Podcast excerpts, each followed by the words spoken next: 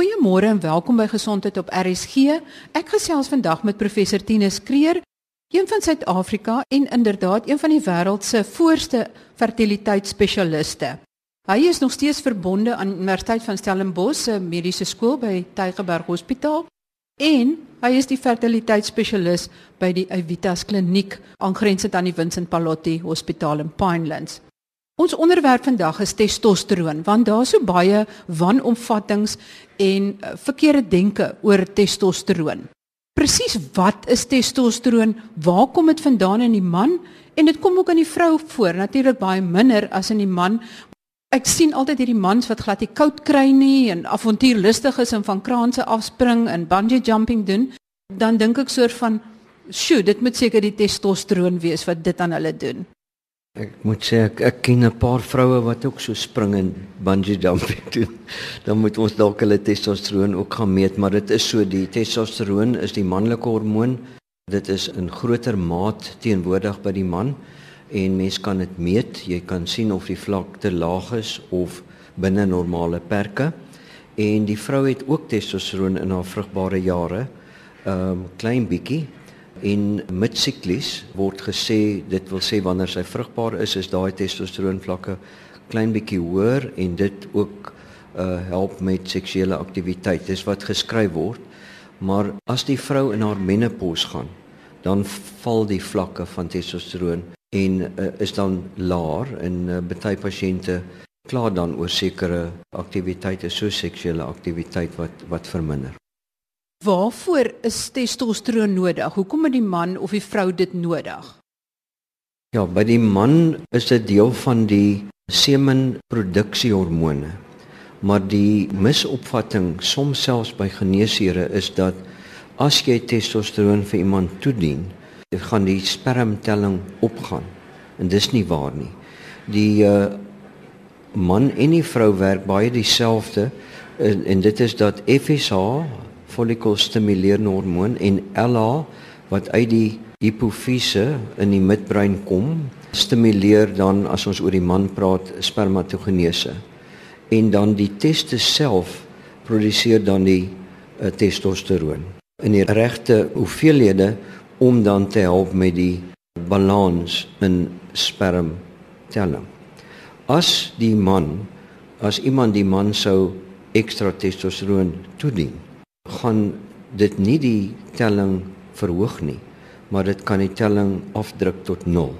'n Mens moet dus baie versigtig wees as jy in jou vrugbare jare is om te dink dat testosteron gaan jou help met jou vrugbaarheid. Inteendeel. Ek kry baie navraag van mense wat vra oor testosteron inspuitings en in sekere bedrywe van veral waar man soort van meer spiere wil bou en so aan, is dit 'n groot bedryf wat hulle noem TRT, testosterone replacement therapy of testosteron vervangingsterapie, is baie groot in daardie bedryf. Hoe werk dit dan? Wat is die effekte wat dit kan gee en hoe moet mense hierdie hele ding benader? Want dit is werklik waar 'n groot bedryf. Dis 'n baie belangrike vraag en ek dink uh dit word uh, definitief misbruik uh, selfs op skole hoor ek nou en lees ek dat uh, van die voorspelers van die seuns testosteron soms gebruik om groter spiere te bou. As ons gaan na jou beginvraag en dit is sê net maar in gimnasiums, ouens wat uh, hulle spiere wil opbou, hulle gebruik of misbruik dikwels testosteron. En as 'n man by my in die spreekkamers inkom en hy het reuse spiere, dan weet ek sommer voordat ek hom eers ondersoek het, hier is anaboliese steroïd betrokke, testosteron uh, is een van hulle en ek weet sy telling spermtelling gaan nul wees. Ek het nou 'n man wat uh, vir jare op testosteron was en ons sukkel om sy spermtelling te lig. Na 9 maande van die korrekte behandeling en dis met FSH en LH kry ons nog steeds nie sperm in die ekulaat nie. Dit is wel omkeerbaar as jy dit kort gebruik, maar dit het 'n hele klomp gevare waaroor ons ook kan praat as jy wil. Terwyl ons nou daar is, miskien moet ons sommer dadelik oor die gevare daarvan praat. Daar is 'n uh, literatuur wat sê uh, onverklaarde um, hartaanvalle, onverklaarde sterftes kan toegeskryf word aan die misbruik van anaboliese steroïde. So mens moet baie baie versigtig omgaan met die middel. Maar die mense luister nie, ek dink hulle dink meer oor hulle spiere as oor enigiets anders en dan natuurlik die fertiliteitspatroon duik in die grond en hulle het letterlik geen sperma. Ons noem dit azoospermie. So en die ouens kom nie met laatellings hier aan nie, hulle kom met nul sperma en dan vat dit maande om nommer 1 die testosteron moet gestop word en nommer 2 dan gee jy die natuurlike hormoon FSH en LH om te probeer om die produksie weer terug te kry na normaal. Ook met van die mense met wie ek gesels het, het gesê hulle gebruik gonadotropin, eintlik die wat beskikbaar kom wanneer 'n vrou swanger is wat tydens swangerskap afgeskei word om te keer dat hulle testes nie krimp nie. Is daar enige wetenskaplike bewyse daarvoor en dit klink vir my baie gevaarlik om aan die een kant manlike hormoon te gebruik en dan weer swangerskapshormoon. Ja, dit is so dat daardie middel op sy eie kan die testes stimuleer, maar dit stimuleer ook testosteroonproduksie. So aan die een kant gee jy nou testosteroon en jy gee iets wat verder die testosteroon uh, stimuleer en as jy net HCG gee, dan spreek jy nie die volle spermproduksie aan nie. So ek dink is 'n bietjie 'n wanopvatting want jy het ook FSH nodig. Jy het die albei nodig en dis natuurlik uh, veral die FSH 'n diermiddel en uh, ons gebruik dit natuurlik net vir mediese redes soos byvoorbeeld om net die luisteraar beter laat te verstaan. Ons kry soms mans uh, wat 'n breintumor gehad het. Die tumor word verwyder en die hipofise word beseer. Dan 'n klomp van hulle hormone val uit. Die bynier kan uh, swak funksioneer en moet meer gehelp word, die skildklier en dan natuurlik die testes want hulle het nie meer LH en FSH nie. LH en FSH moet daar wees om spermproduksie aan te help. So in daardie gevalle waar 'n ou so 'n operasie gehad het en nog kinders wil hê, dan behandel ons hulle wel soos ek nou nog gesê het met die LHFSH kombinasie. En dit uh, vat 3 tot 6 maande. As daar dan sperma na vore kom, het hulle kans vir spontane swangerskap en ons vries ook sperma. Ons het 'n hele klompie sulke pasiënte wat suksesvol uh, voortgeplant het, maar dit is nou een rede waarom die man dan sou ons noem dit hipogonadotrofies word onderaktiewe hormone weens die gewas in die brein. Maar as iemand artifisieel testosteron gebruik, groot aanvullings en nou nog boonop HCG, dan spel dit groot gevaar. Ja, ek dink dit maak net eenvoudig nie sin nie. En uh dis alles deel van die misbruik prentjie. As HCG die testosteron vlakke kan opstoot in die liggaam, is daar ander dinge wat dit ook kan opstoot. Miskien sekere voorlopers wat jy inneem of bestaan daar nie so iets nie. Ek dink nou aan daai DHEA in sekere uh, protein shakes. Uh, daar is van die middels van die aanvullings uh, soos Marie reg sê wat die mense gebruik. Ek wil dit eintlik anders omgooi en sê 'n mens moet baie mooi kyk wat is in die aanvullings. En as daar 'n aanduiding is van 'n anaboliese komponent, is dit beter om 'n suiwer proteïen aanvulling te neem, maar nie enige iets met testosteron of anaboliese steroïd of iets in die voege nie. Ek dink dit is 'n gegewe. Party mense doen dit sonder dat hulle weet. So ek dink is belangrik dat hulle weet wat hulle inneem. Dis wat betref aanvullings. Dan het ek ook al gehoor dat daar selfs kliënte, atlete na veeartse toe gaan. En nie noodwendig die veearts nie, maar dieremiddels, androgene gebruik wat glad nie goedgekeur is vir die mens nie. Dis hoe ver dit soms gaan. Dis 'n 'n totale nee nee.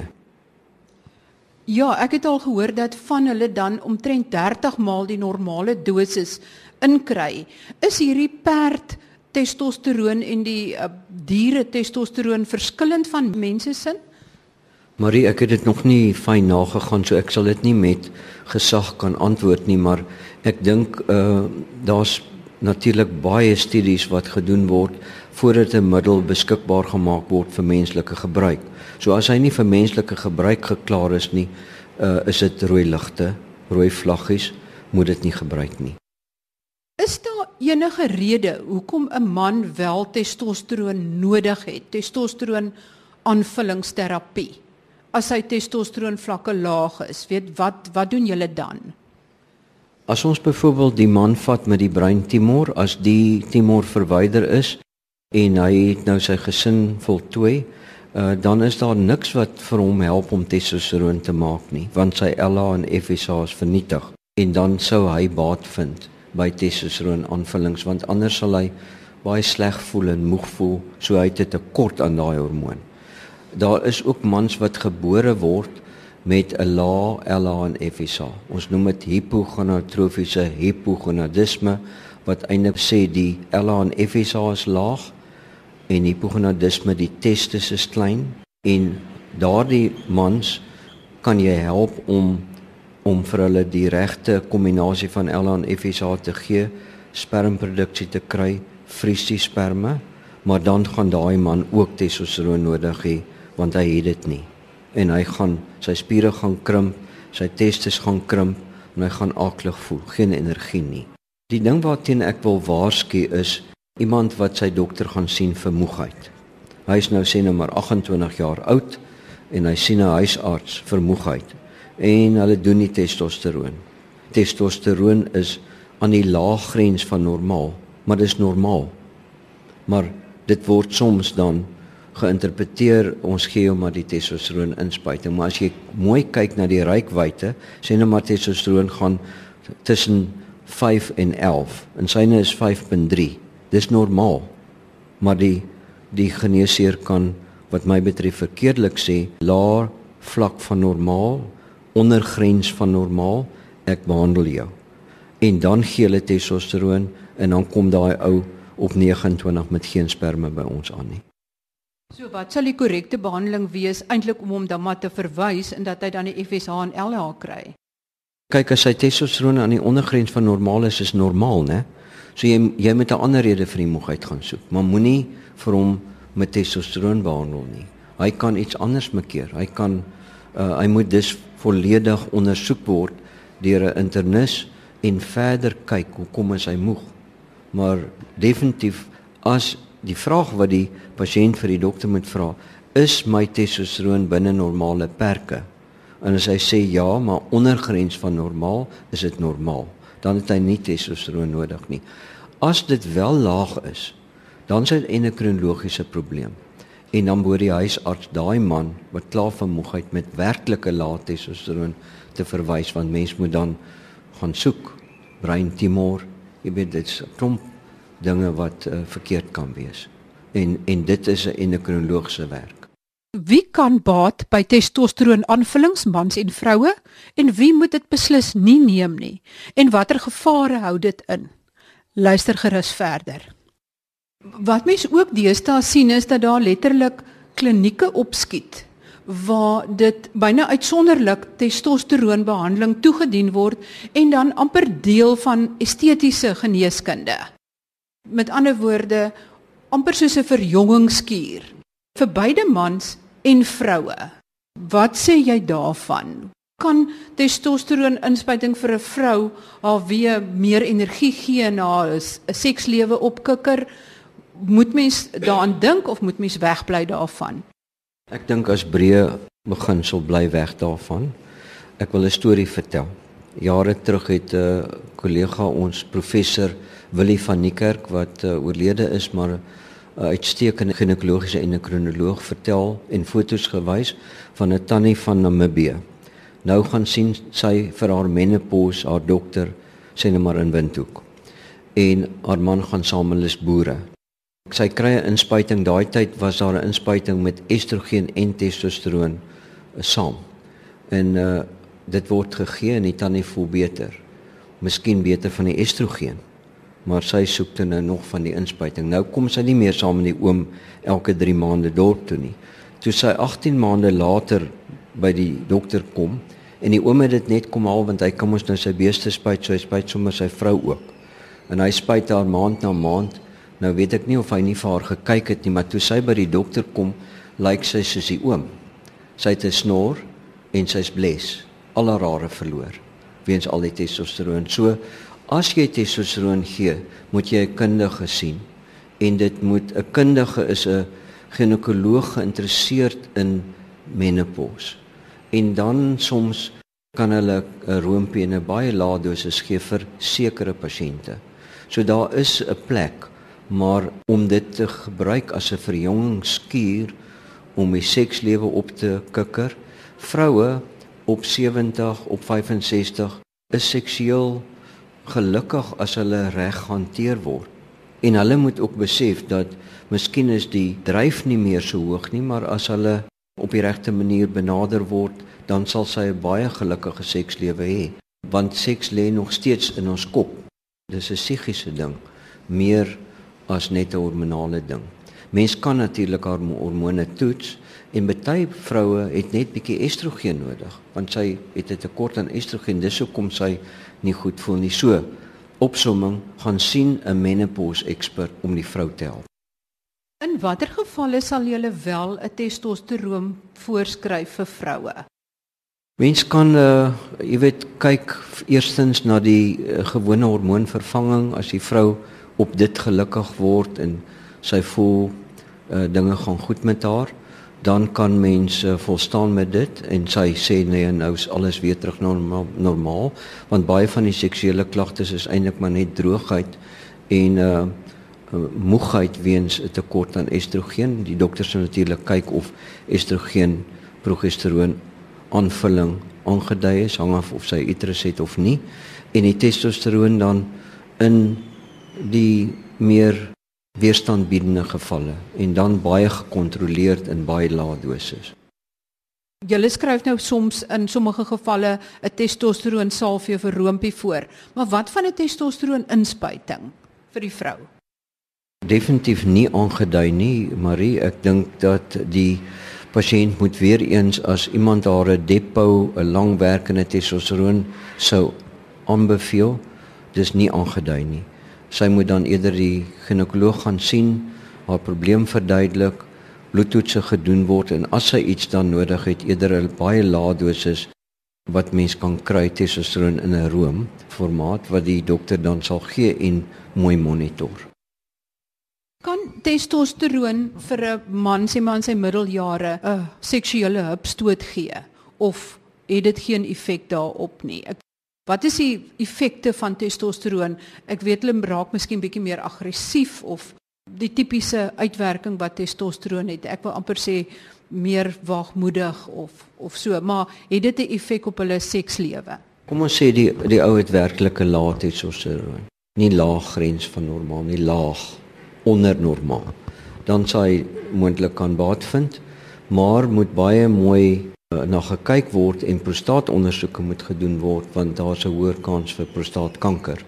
So 'n mens moet ook besef die middel het sy eie gevare en dit word baie duidelik gewaarsku dat hy gereelde PSA moet kry en prostaatondersoek as hy kwalifiseer. Maar om dit te gee weer eens vir iemand, hy gaan 'n hupstoot kry, maar dis tydelik van aard.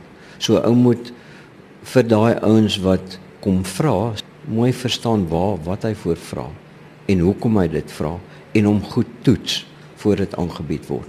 Maar baie keer by van die klinieke is dit net 'n 'n soort van 'n rotine. Jy weet sonder om mooi volledig na die pasiënt te kyk. Professor Kreer, as jy alles moet opsom in een finale boodskap, wat is daai belangrike iets wat jy wil hê die luisteraars moet verstaan? Ek dink die ek gaan nou maar die woord ellendes wat ek soms sien in die fertiliteitsomgewing en dit is nou vir die vrugbare jong mense is dat die misbruik van anaboliese steroïde in gimnasiums lei tot baie hartseer en baie koste later om die spermproduksie terug te kry na normaal. So boodskap as die testosteroon aan die lae kant van normaal is, moet hulle verstaan is steeds normaal en kry nog 'n opinie en moenie net testosteron as eerste opsie gebruik. Het sy van die huisarts of uh, definitief nie in die gimnasium nie? Baie dankie aan my gas professor Tinus Kreer van die Avitas Fertiliteitskliniek by die Vincent Pallotti Hospitaal en ook verbonde aan die departement ginekologie en verloskunde van die Universiteit van Stellenbosch Mediese Skool. Omdat daar 'n paar minute tyd is, som ek bitter vinnig op en dit is beide die man en die vroulike liggaam skei testosteroon af. In die vrou in baie lae hoeveelhede en in die man natuurlik in baie groter hoeveelhede. Testosteroon word afgeskei en speel 'n belangrike rol in manlike vrugbaarheid. Sonder testosteroon is daar nie lewende, bewegende, gesonde spermselle nie. Maar hoe meer testosteroon jy vervaardig, is daar 'n negatiewe terugvoermeganisme en dit word in die brein deur die hipofise, dis 'n klein deeltjie van die brein beheer. Die hipofise kry klomp verskillende hormone af onder andere twee belangrike hormone wat ons sommer vinnig afkort as LH en FSH in beide die man en die vrou. En in die man is hierdie twee hormone LH en FSH belangrik om testosteroonproduksie te stimuleer. Hoe meer testosteroon in die liggaam vervaardig word, want die liggaam probeer altyd om sekere vlakke te handhaaf, hoe minder FSH en LH gaan deur die hipofise afgeskei word sodat daar dan minder testosteroon gemaak kan word. So jy kan jou mos nou indink as 'n man testosteroon of anaboliese steroïed inspuitings kry, dan sê die hoë vlakke van die anaboliese steroïde waarvan testosteroon 1 anaboliese steroïed is vir die hipofise hier is genoeg testosteroon in die liggaam die hipofise skei minder LH en FSH af en minder testosteroon word deur die liggaam self geproduseer en afgeskei. Op die ouende droog die LH en die FSH byna op as groot hoeveelhede testosteroon ekstern ingespuit word.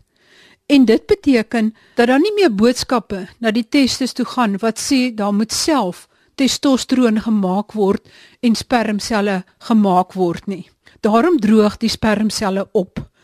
Soos professor Kreer gesê het, in sekere gevalle waar die hipofise nie meer LH en FSH kan maak nie en waar daar nie meer testes is om testosteroon te maak nie, is dit nodig om testosteroon self aan te vul. Andersins word testosteroon vlakke waar dit te laag is verhoog deur FSH en LH aan te vul. Maar die slotsom is as iemand vir jou sê jy het om 'n mediese rede testosteroon nodig, gaan sien 'n kenner. Gaan sien 'n fertiliteitsspesialis wat spesialiseer in testosteroon. As jy 'n vrou is, gaan sien 'n ginekoloog wat spesialiseer in menopausbehandeling. En as jy 'n jong man is, wat spiere wil bou.